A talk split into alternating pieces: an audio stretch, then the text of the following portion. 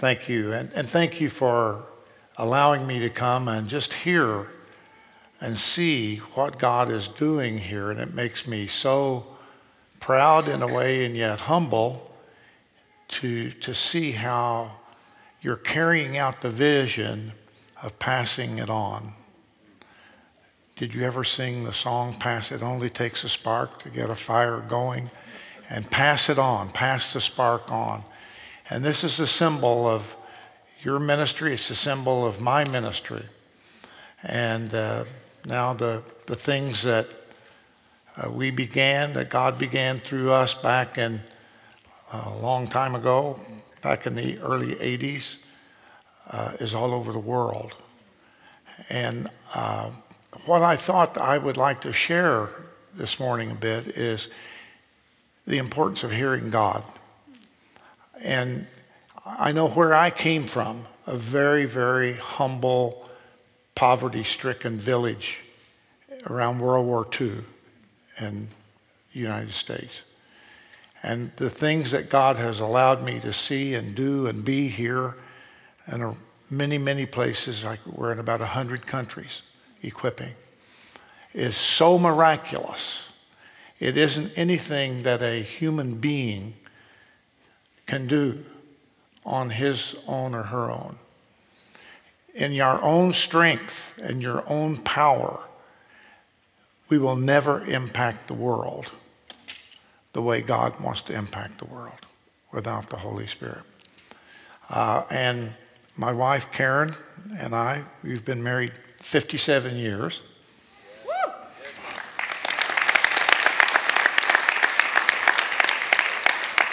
Which is in itself a miracle. you have no idea about differences in life until you get married and, and the challenges thereof. But I was reared in a Christian family, a Christian church that believed the Bible, every word of it was true. But they taught that when the Bible was finished, the Holy Spirit had sort of escaped and gone back to heaven. So there were no miracles. God did not speak to people uh, in the current situation. And so you were sort of left on your own trying to find God's will. And it's, it's not only, it's boring. Number one, a church like that is boring. You just, you know, and one of the famous teachers in the United States says it's a sin to bore a Christian. And it's boring if you don't have the Holy Spirit operating. I mean, I'm not saying we didn't, they didn't have the Holy Spirit, but they were scared to death to let him out. And that changed in my life. I'm reared in the church, come to the Lord at age 10. And then I, I was a caregiver of my disabled grandfather from the time I was 7 to 14. Uh, and he passed away, and I became angry and depressed and didn't know why God had done this. I'd lost my place. And so I was running away from God. But the lesson is you can't outrun God. God will catch you. He might send a big fish to get you, but He's going to get you. And so I had started drinking and fighting and all these kinds of things, knowing exactly it was how wrong it was and awful. But one night I was going to, on my car, 1958, I had a 1957 Ford, going down to pick up my guys to go out and drink and gamble. And I got about a mile away from my home and the Shekinah glory filled that car. God came. Despite the teaching, God showed up. And he filled that car. And he said, Gary, choose this day whom you will serve. And I said, To whom else can I go? Only you have the words of life. I knew the Bible, but I didn't know that personal ministry of the Holy Spirit. That changed everything for me. Everything. Because all of a sudden, I had this notion that God would show up and lead me. And He was there. And of course, when I read the scripture, I found out Jesus said, I'll not leave you as orphans, I'll send you another counselor who'll be with you and in you. That's maybe one of the most radical statements that's ever been made. Because throughout history, that was not true in Judaism. The Holy Spirit was sort of out there. And a few people had the, some anointings Elijah, Elisha, and so forth. But now the promise is all of us have the Holy Spirit with us and in us. And after that experience, I can tell you where I was on the highway when the Shekinah glory came. I remember it. So from then on, I really I started reading the Bible voraciously. And my eyes were opened. I'd read the Bible and, and I'd sung all the songs. They didn't mean much to me. But after this Holy Spirit experience, I'd sing those songs, those old hymns, and I'd say, Those people knew the Holy Spirit. They knew Jesus. It wasn't a theory, it wasn't a theology, it was life. Not saying that theology isn't important, of course it is. But it was life. And the promises, when you read the scripture in the early church, what they did was exactly what you're doing led to equip make sure that people know Christ and the Holy Spirit and pass it on.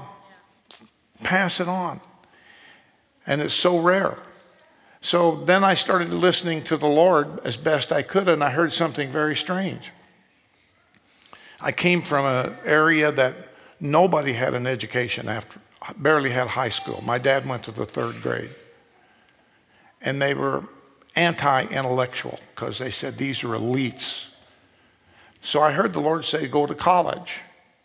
And that was, if he'd have said pick up snakes, it would have been about as easy. Go to college. And that meant in my culture, I was trying to be better than the rest of the people. But my parents barely gave me permission to go to college. But the Lord said, Go to college. I had no idea why. I became a school teacher, and then I got a master's degree in higher education counseling. And what I found was that I could witness much better because I understood the people that I was talking with. When I studied psychology, I studied education. And when I taught school, elementary school, I learned to disciple.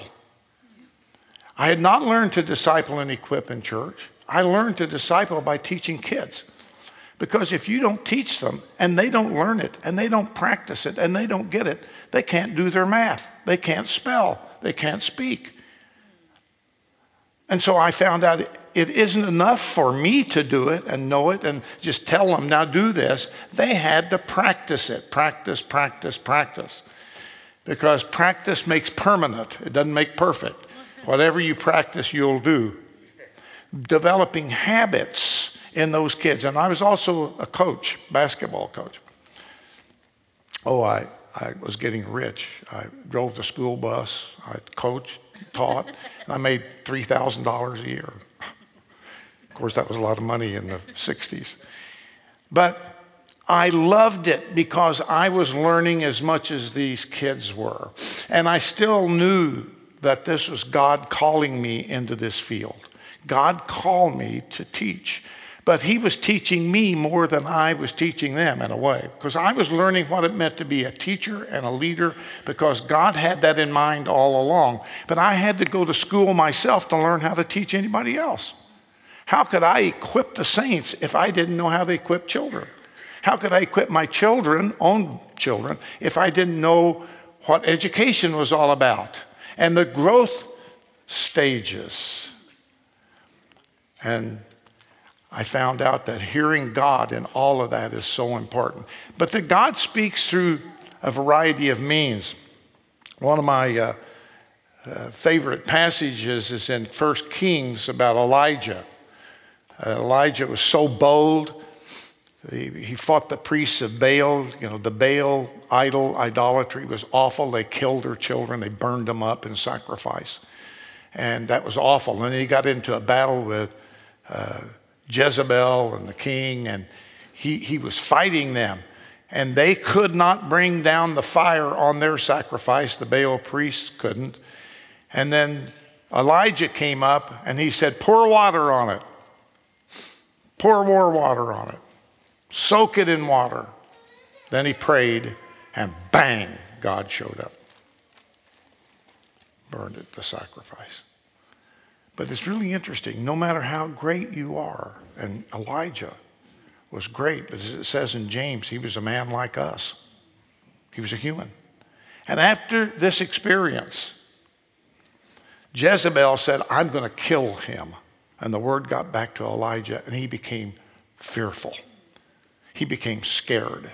And when you become scared in, in the Christian life, in the life of the Lord, you can go down. He became, he ran and ran and ran, and he became depressed. He wanted to die. He asked God to kill him. He had suicidal thoughts. He's in a cave. And God came to him and said, Elijah, what are you doing here? Now, he wasn't saying, What are you doing in a cave? He was saying, What are you doing all fearful? What are you doing in this state? And God said, I've got something for you. Go outside the cave, and I'm going to show up. And you all know probably how he showed up, right? A storm, a hurricane, a tornado, terrible storm blew on the mountain said, but God wasn't in the mount, in the storm. He was in the storm, but he wasn't in the storm speaking to Elijah. And then he sent an earthquake. You know, when a storm comes or an earthquake comes, sometimes you say, God, what's in this? He wasn't in the earthquake. And then he sent fire.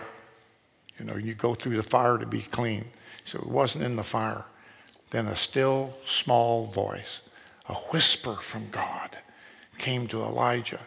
So, what are you doing? He says, I'm the only one in Israel. I fought for you. I am the one. Nobody else is supporting me. That's called self pity. and God said, Yeah, not true. And he said, Now I have a goal for you. I have a job for you. You're going to go anoint new kings. I have something planned for you. Get out of the cave, get out of your depression, get out of your self pity because I'm speaking in a still small voice. It doesn't have to come in power, it doesn't have to come in big show. It can come in a still small voice. 1958, I got filled with the Holy Spirit. So that's 60 years ago. I'm 80 years old. I'm actually here in Norway to kind of celebrate 60 because uh, 80 years old, and yes, Peter just turned 70. And so we've got 150 years between us. and it's really wonderful to have spent that many years in the Lord trying to hear the Lord and go where He says. And what I found is God will show, up. Sometimes it's in a storm, sometimes it's in an earthquake, sometimes it's in a fire, but often it's a still small voice. And one of the things I've tried to learn is how do I quiet myself down so I can hear when it's not a storm, it's not a flood I might be hurting. I might be depressed. I might be discouraged. I just had triple bypass surgery. Well, you can get discouraged when you have triple bypass surgery. You think, oh boy, this is serious business. But God showed up. Number one, you have to be quiet, you can't do much. So God shows up and look for God during those tough times. Look for God. God will show up. The Holy Spirit is in us and with us. So, whether you're running away from God or you're running toward God, slow down and tune in to what He has to say. And after all this education and coaching and training and everything, and as I read the scripture, what I saw was, I heard that the Lord had called me to equip others to serve rather than me trying to do all, everything. But because I spent seven years being a caretaker for my grandfather, I had this codependency. You know what I mean? I had this, I wanted to save everybody. Anybody that was sick and hurting, anybody who had a problem, I wanted to take that on. I wanted to accept it. And, and I wanted to do something for them. And I had to learn, like I did in teaching, I can't do it, but I can equip them to handle their own issues. And so I developed this idea out of my own inadequacies. Many times, what we learn to do comes out of our own weaknesses. And we face our weaknesses and we see, like I did, I can't save everybody, I can't heal everybody. We, I was in charge of the healing services at our church, and sometimes, especially if a child was sick, you just want to, you want to get them healed. So you want to push. Well, me trying harder is not the Holy Spirit. But I had to learn that. I had to learn I couldn't be so full of what we call compassion or mercy that I could do the healing or I could do everything. Then what we did is I, uh, I got a doctorate, and on my doctorate, I studied how do we train counselors to go into the world and minister. And what I learned was that it's probably more health giving to equip people with relational skills, communication skills, renewing the mind, treating one another with love, than all the counseling you can get. Now, I'm, I'm not against counseling, but I'm telling you what I, he hit me that I don't have to go around the world and heal everybody. You know, there are about 7 billion people in the world. How many did you say there are in Cambodia? What, 6 million? 60 million? Oh, a big mission field. But what I found is if you partner with people around the world, you bring the people in that God shows you and you equip them and raise them up, then they don't have to learn the language. You know, American missionaries, we send Americans overseas and spends millions of dollars. They can't speak the language, they don't know the culture, they can't communicate. And why are we doing that? Because we've got the burden, we think we're going to, we've got to do it. We're the only ones that can minister. So, what I, I did was we set up this Teleios Center at College Hill Presbyterian Church. And I would say to you, uh, I was not a Presbyterian. I'd never been a Presbyterian until I went on the staff. And Presbyterians don't do things like that. I, I wasn't a clergyman either. So I was different. But what I saw was that we needed to have lay people doing ministry. 95% of all the professional counselors and doctors in the world in Europe and America. Just think of those 60 million people there. Unless you multiply. So when I saw what the numbers, I can't read them in Norwegian that way, but when they were telling me what those numbers were, that's astounding. The early church grew at 20% per decade. I think you all are about to achieve that. Did you know that? Uh, 20% a decade. And that's why they went from zero up to in 300 AD to about 30 million people in the Middle East. It's amazing that growth line. And how did they do it? House churches, multiplying, equipping, passing it on. And they didn't, it wasn't just a lecture. That's why when I see what you're doing here, as I said to Martin, you have a honeycomb a honeycomb of people doing ministry at all different kinds of levels in ministry, right? You have people um, at the healing healing rooms. You have people doing groups. You have people doing. I, I can't even describe how many things you're doing. For me, that is the early church in action. That is every person in your congregation is being equipped. Most churches take a if the lake is going down, you know, you got a lake and it's losing water, they'll take, they'll take all their water and put it in a big barrel.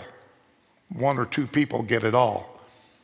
In a church like this, you equip as many people as possible. And they all multiply and they pass it on. To see these little children up here this morning dancing and praising the Lord is transcendent because they immediately learn about the Lord and about the Holy Spirit. They immediately learn to have joy in the Lord, not sadness and depression. As a, a therapist, I want to tell you how important that is.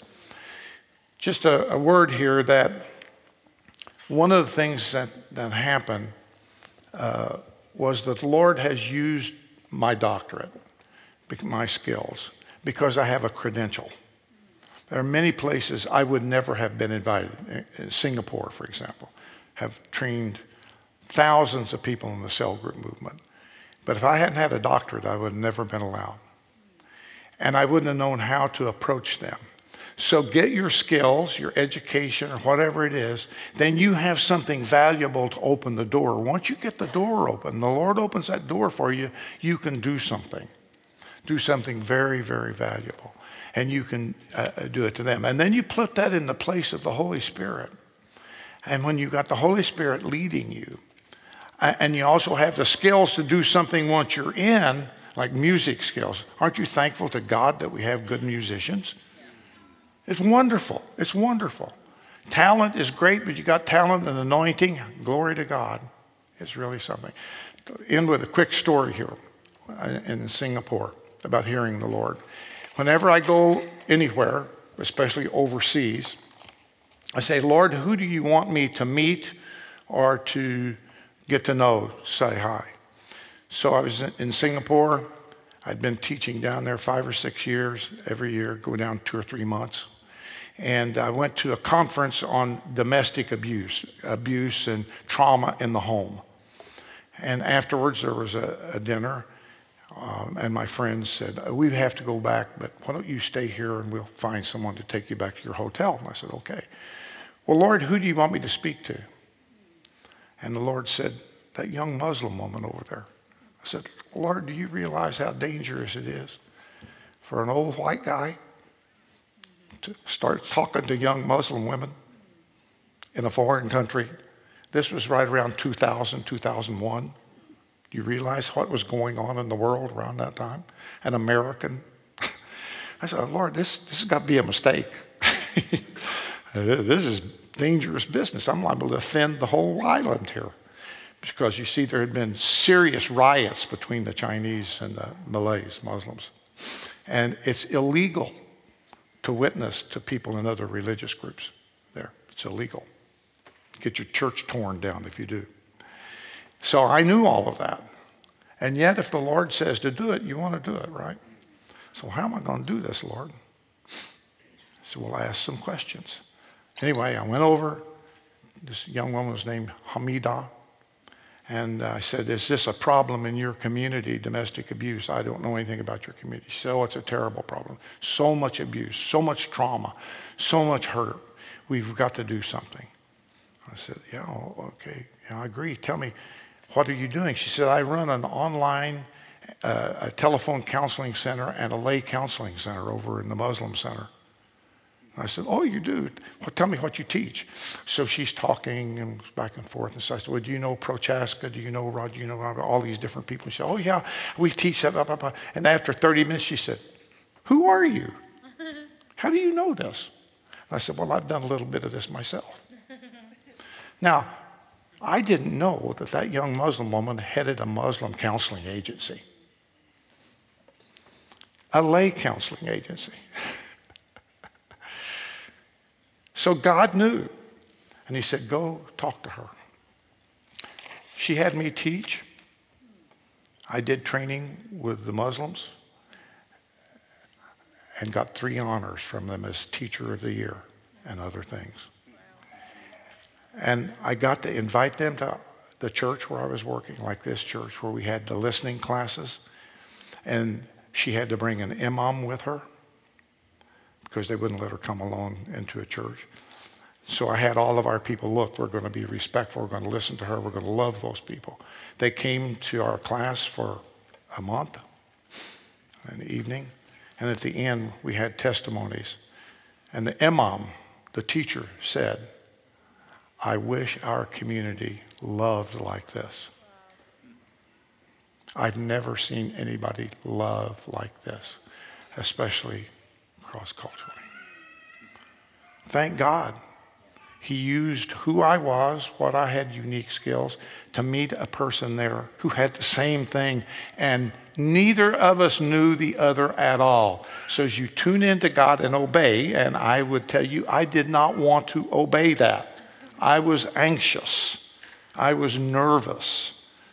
But it's crossing that barrier and having confidence and gentle boldness and tuning in and listening and showing the love of Christ.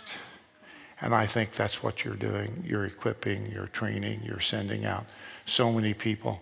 So the, the response in Cambodia, we've been teaching in Thailand and Cambodia and all those places. And, and it is wonderful to see what God is doing if you equip the saints so the saints hear the Holy Spirit and do the work of ministry. So thank you so much for having me. It's a very exciting place to be.